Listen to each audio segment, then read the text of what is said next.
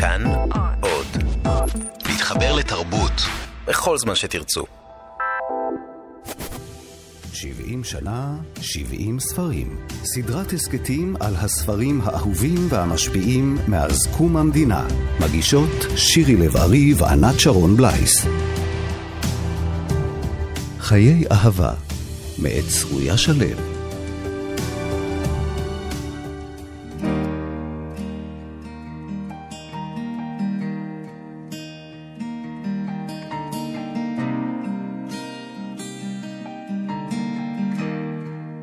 הוא לא אבא שלי ולא אימא שלי, אז למה הוא פותח לי את דלת ביתם, ממלא בגופו את הפתח הצר, צובט את ידית הדלת?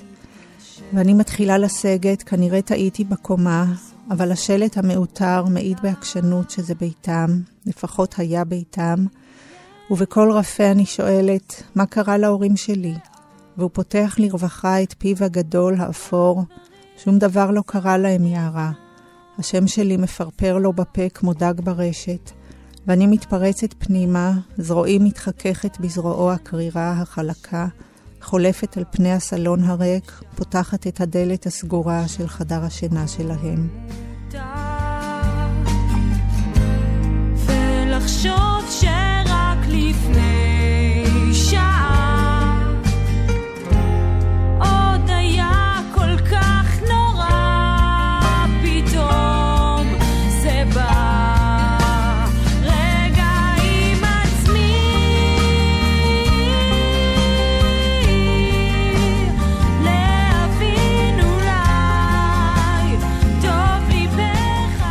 קורמן, סטודנטית ירושלמית, נשואה טריה ליוני, פוגשת יום אחד בבית הוריה חבר נעורים שלהם.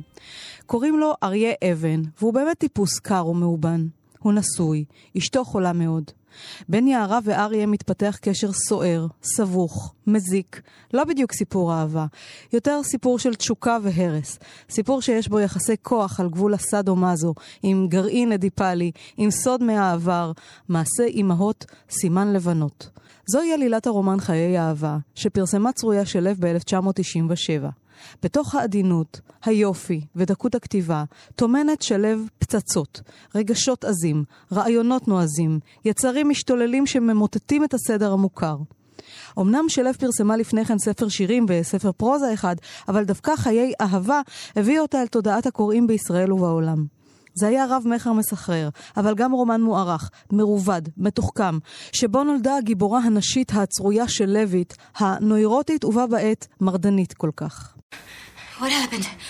I'm not feeling well, Yara. She was feeling just fine a moment ago. You see this? Yeah. He doesn't believe me. You never believe me.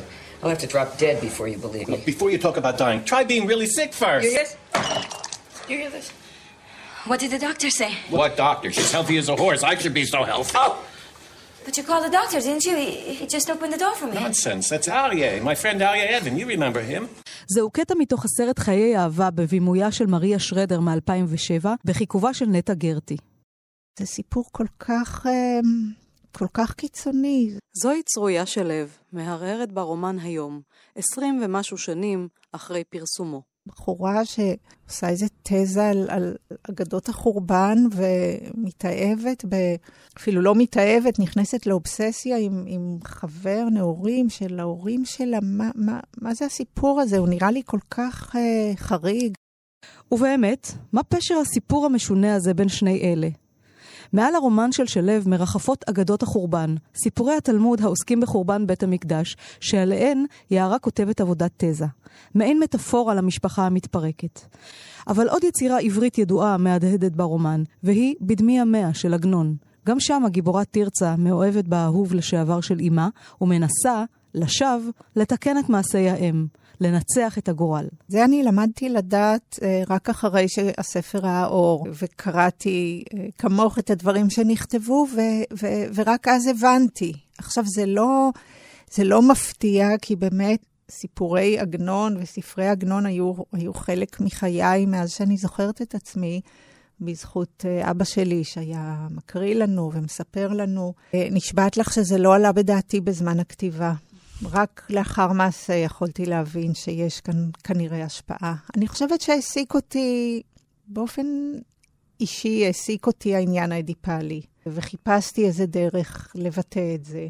והעסיקו אותי אובססיות ומשיכות בלתי מוסברות, וגם אגדות החורבן העסיקו אותי בכל מיני שלבים בחיי.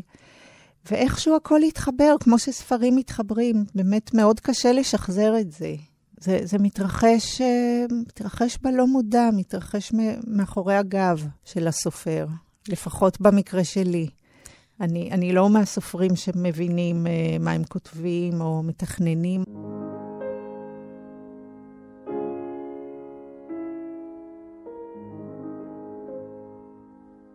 ריח השרף של גופו עולה ממני כשאני מתפשטת. האפטר שייב היקר שלו, הריח המוזר והדוחה של זרעו העקר, ואת כל הריחות מכסה השמלה היפה, הקטיפתית, ואני מרגישה את יופייה למרות שאין ראי בתא הזעיר הזה, שהכיל פעם את שנינו, אותי ואותו.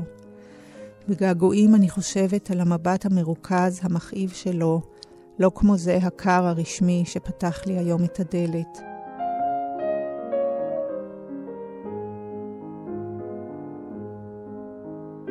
מעל השמלה. אני לובשת את הסוודר הכחול והג'ינס הרחבים שבולעים הכל, וצביטה של מתח ועונג תופסת אותי כמו אגרוף כשאני יוצאת מתא הלבשה, ובמקום להסתלק משם אני משהה את הפורקן, מסתובבת בחנות, מחטטת בין הקולבים, ממש כמו שהייתי עושה אז, בחיים הראשונים, אחרי שהתינוק מת, והייתי מסתובבת עם אימא שלי ברחובות המדכאים של העיירה הקטנה.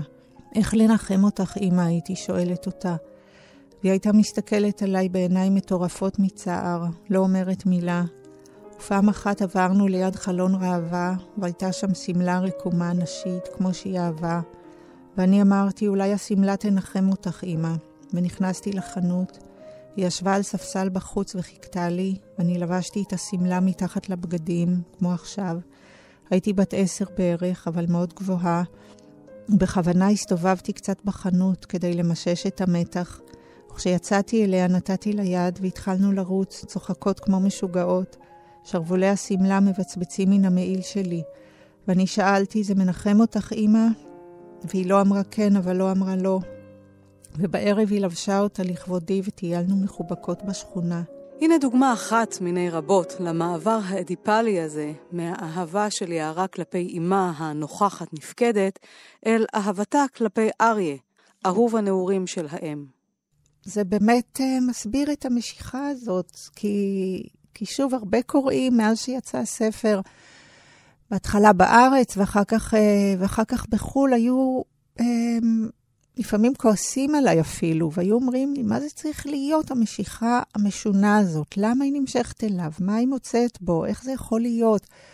Um, לעזוב, uh, לעזוב בעל כל כך חמוד כמו יוני בשביל, בשביל טיפוס כזה מפוקפק כמו אריה.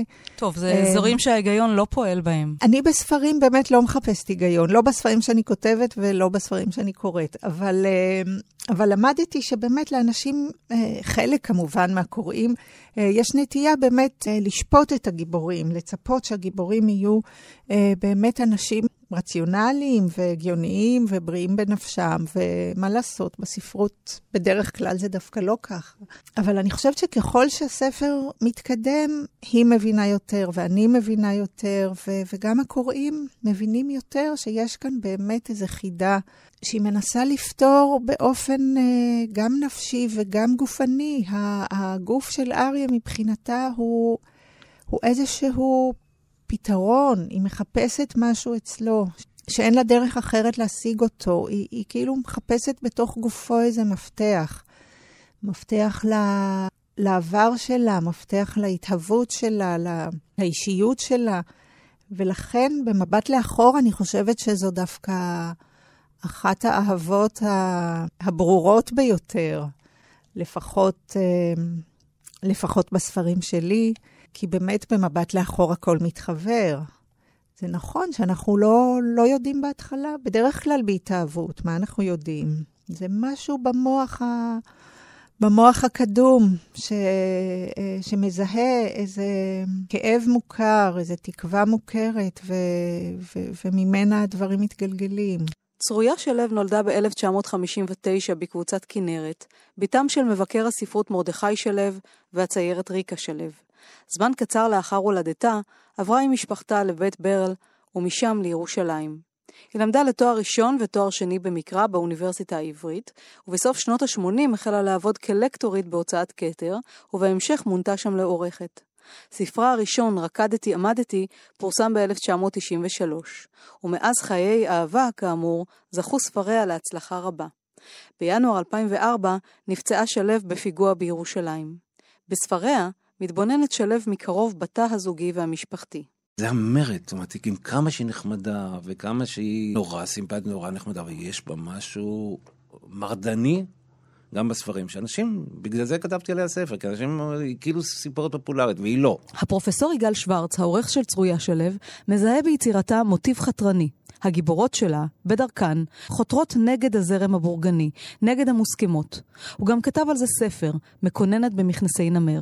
א', זה ספר שיש בו הרבה אלמנטים ביוגרפיים. הם מאוד משמעותיים, בעיקר על העניין של ההורים וככה וכולי. והוא מתחיל באמת, כמו סיפור תיקון. אישה צעירה מנסה לתקן את הסיפור של, ה, של ההורים שלה, אה, לאמא היה אה, בן זוג במלחמת השחרור שקראו לו אריה אבן, והוא נפצע והוא עקר. אה, אריה הזה עקר, ויש שם אבא אה, בסיפור הזה, ונכנסת העיירה הזאת יום אחד לחדר של ההורים שלה, והיא רואה את האיש הזה, היא בטוחה שהוא רופא, זה תמיד קורה אצל צוריה שלו, תמיד יש תבניות של אישה צעירה ורופא או רופאה שמנסים לתקן את הנשיות שלה, כל הסיפורים. ויש שם איזה סיפור אהבה ביניהם. בוא נגיד שזה לא סיפור אהבה, זה יותר סיפור תשוקה.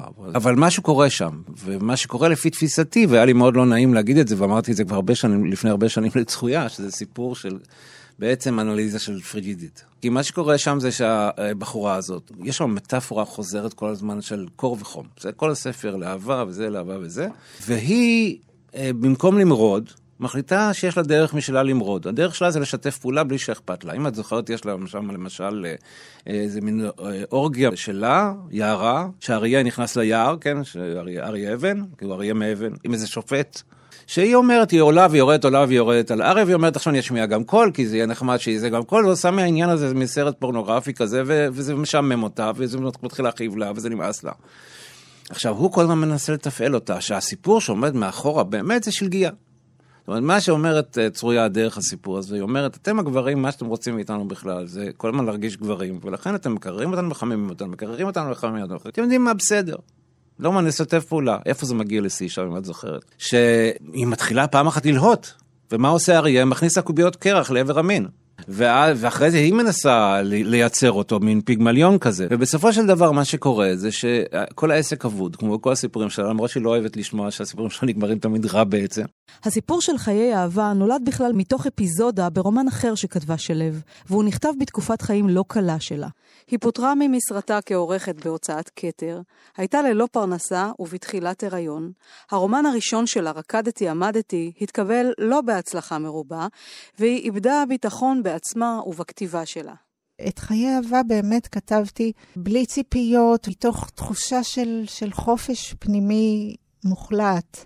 ולפעמים אני מתגעגעת לתחושה ההיא, כי זה ספר שנכתב אחרי ויתור, או מתוך ויתור, ולימים הבנתי שדווקא בוויתור הזה היה, היה באמת הרבה כוח והרבה חופש, וגם הנסיבות המשפחתיות, הכלכליות, הכל באמת היה קשה. אני זוכרת שפיטרו אותי בדיוק מכתר, עבדתי שם כעורכת.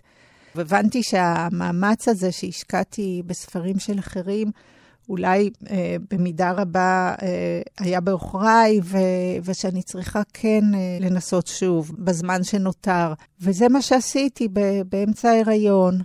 ואחר כך בחופשת הלידה. כן, את סיפור התשוקה המר הזה היא כתבה דווקא כאם טריה, עם תינוק על זרועותיה, מנוגד לחלוטין להוויית החשק והאופל של הרומן.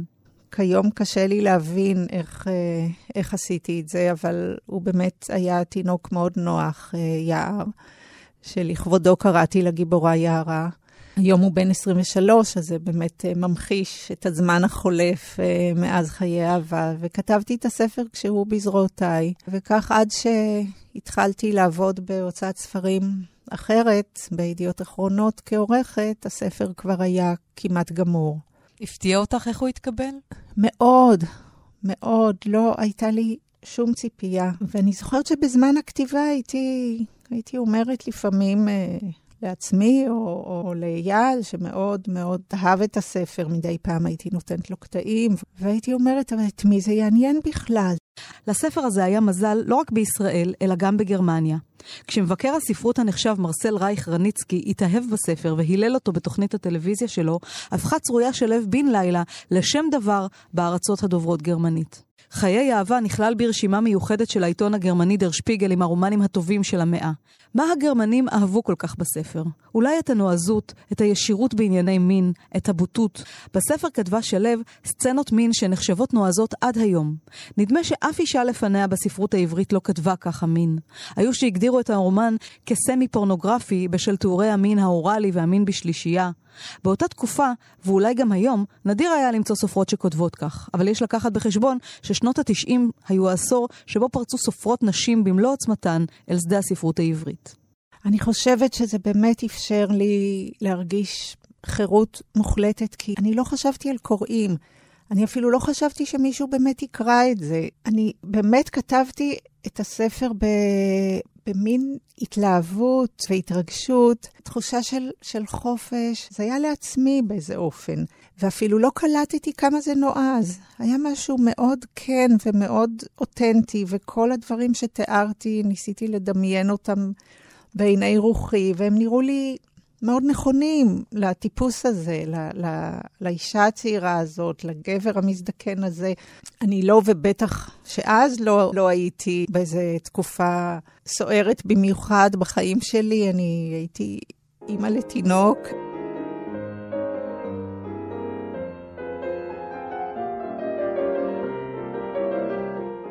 עטפתי את עצמי במגבת הגדולה למרות שהייתי לבושה, וחזרתי למיטה והוא מיהר אחריי ונעמד ערום מול הארון. ואני ניסיתי לגלות צלקת נסתרת בגוף שלו ולא ראיתי כלום. ושאלתי, שכבת איתה?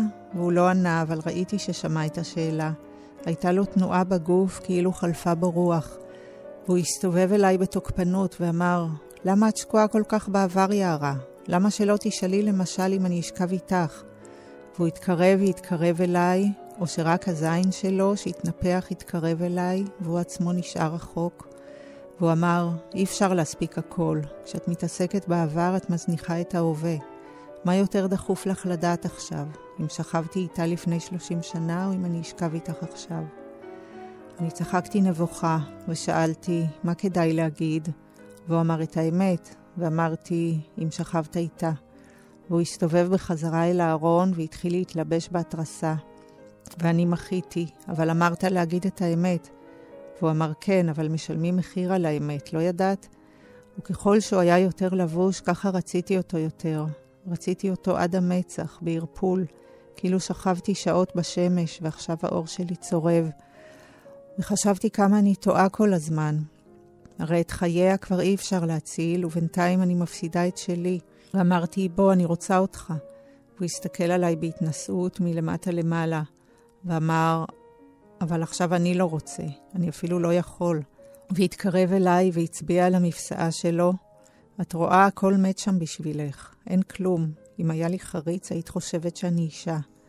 ובאמת שקט מוזר עלה משם, ריקנות של חפץ דומם. כל כך מהר הכל מת נעלבתי. והוא אמר, כן, ככה זה.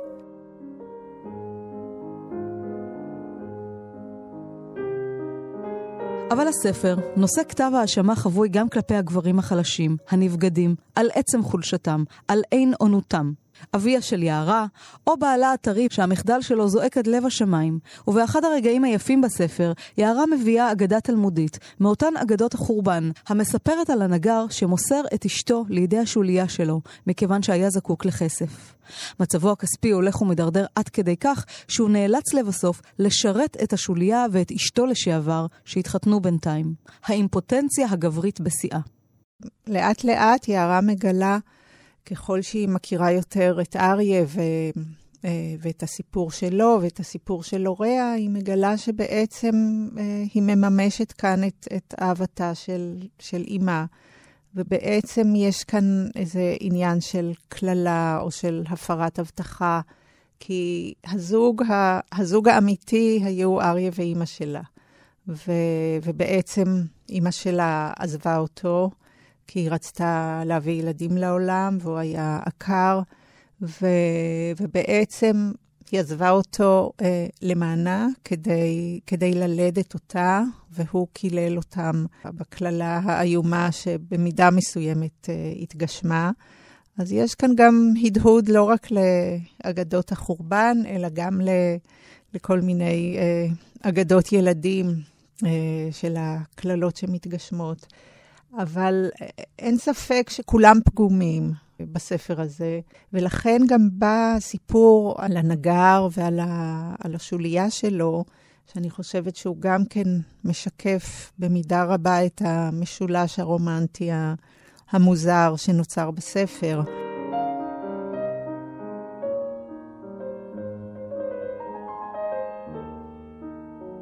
והנגר מתגלה כאיש מאוד חלש, שמוכן לשלוח את אשתו אל השוליה, למרות שהוא יודע שהוא אה, אה, חושק בה, והיא זו שמבקשת עבורו אה, הלוואה.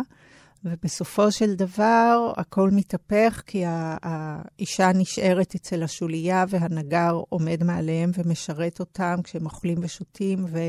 והדמעות שלו נופלות לתוך כוסות ולתוך הצלחות שלהם. ויערה מסרבת לרחם עליו, היא אומרת, גם הוא אשם בזה. נכון. הוא לא היה צריך לשלוח אותה בכלל. נכון, נכון. אני חושבת שברגע הזה יערה באמת משתחררת קצת מהאשמה שהיא נושאת על גבה לכל אורך הספר, אשמה בעיקר כלפי בעלה הצעיר והתמים, אה, כשהיא מבינה שבאמת הפסיביות שלו, והנכונות, הנכונות שלו ל, אה, להרפות ממנה, אה, במידה רבה יש לה חלק בהשתלשלות.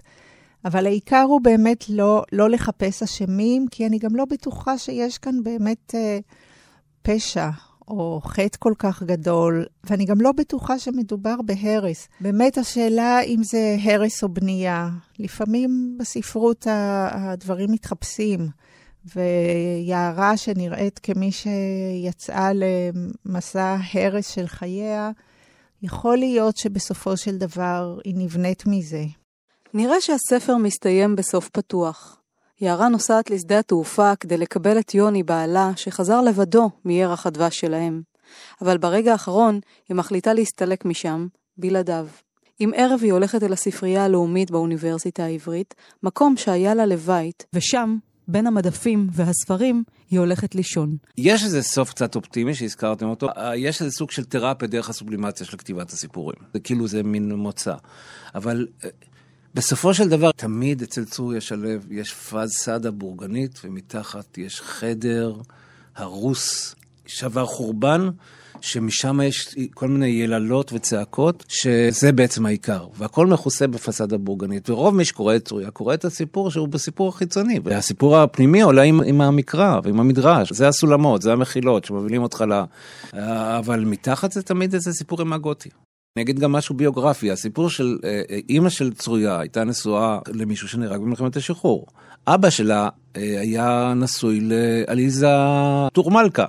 והוא כל הזמן הילל אותה בפני אה, אורית וגרינברג, ואז בא אורית וגרינברג ולקח אותה ממנו. עכשיו, זה פשוט סיפור שיש לה בית, נבנה לה בית על בסיס בית אחר. היא כל הזמן, היא מספרת את זה, כל הזמן שהיא גדלה, היא חשבה איך הייתי הייתי ילדה של, של אימא שלי עם ההוא, או אבא שלי עם ההיא. זאת אומרת, זה סיפור של קומה שנייה שמתחת יש משהו שהוא חורבן.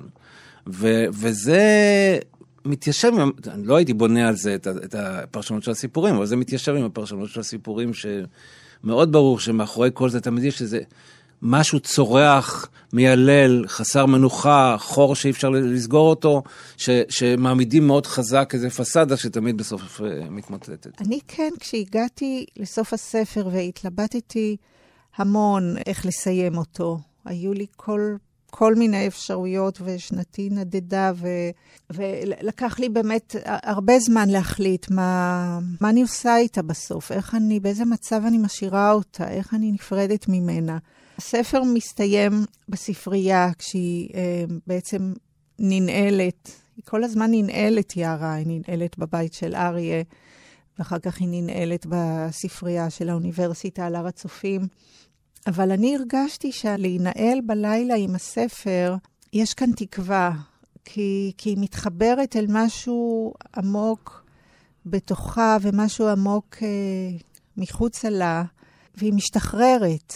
לפעמים דווקא בתוך הגבולות הסגורים אפשר להשתחרר יותר. משהו כן נפתר בתעלומה של, של חייה, במשיכה הזאת שהטריפה אותה כל כך. היא השתחררה מזה, והיא מבינה ש... שעם יוני היא לא יכולה לממש את פוטנציאל האהבה, וגם לא עם אריה. והיא נשארת עם עצמה, ו... ותמיד יש בזה פתח למשהו אחר.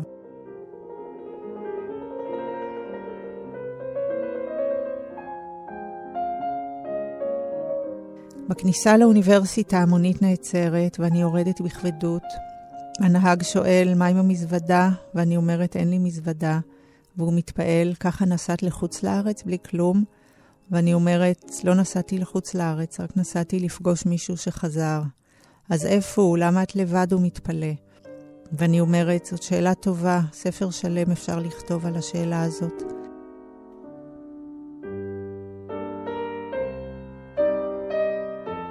לראשונה מאז התחיל הכל, אני נושמת לרווחה, זוחלת אל המנורה החיוורת ומתיישבת מתחתיה. רק לחישת הדפים נשמעת בשקט שהשתלט על האולמות הגדולים. וממשיכה לחפש עד שאני רואה את האגדה הזאת, ואני יודעת שמצאתי בדיוק את מה שהייתי צריכה. האגדה על בת הכהן שהשתמדה ערב החורבן, ואביה ישב עליה שבעה. וביום השלישי היא באה ועמדה מולו ואמרה לו, אבי, לא עשיתי כן אלא כדי להציל את נפשך. אבל הוא סירב לקום מאבלו, ועיניו זלגו דמעות עד שמתה. ואז הוא קם, והחליף את בגדיו, וביקש לאכול לחם. ואני בטוחה שפעם כבר שמעתי את האגדה הזאת לפני הרבה שנים, שאימא הקריאה לי אותה ערב אחד, כשהייתה הפסקת חשמל, וישבנו שלושתנו סביב נר אחד. ואבא אמר, מה את מספרת לה? את לא רואה שזה עצוב מדי? וכך, כשהיא ישנה בין הספרים ומוצאת בהם את ביתה הנפשי, בית שאין בו אבא ואימא, אין בו אריה מאבן, או בעל טוב לב ונרפה, אנחנו משאירים את גיבורת חיי האהבה, לישון בספרייה ולקום למחרת לבוקר חדש. כי ראיתי את דרכי נעלמת ביער סבוך, בין קירות חורשים ובתוך האדמה המדממת, רגליי ננעצו. עד כאן התוכנית על הספר חיי אהבה מאת צרויה שלו. כאן באולפן, שירי לב-ארי.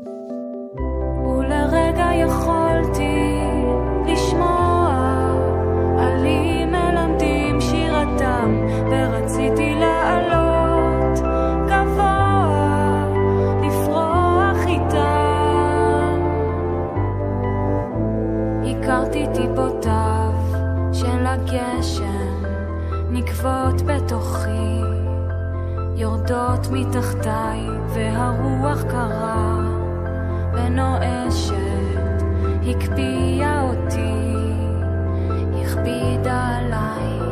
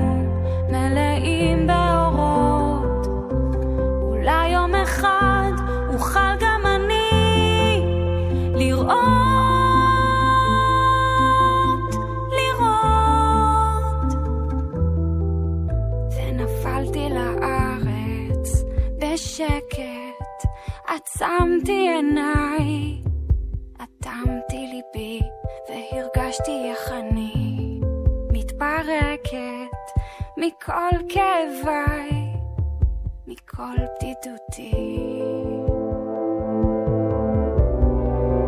ולרגע יכולתי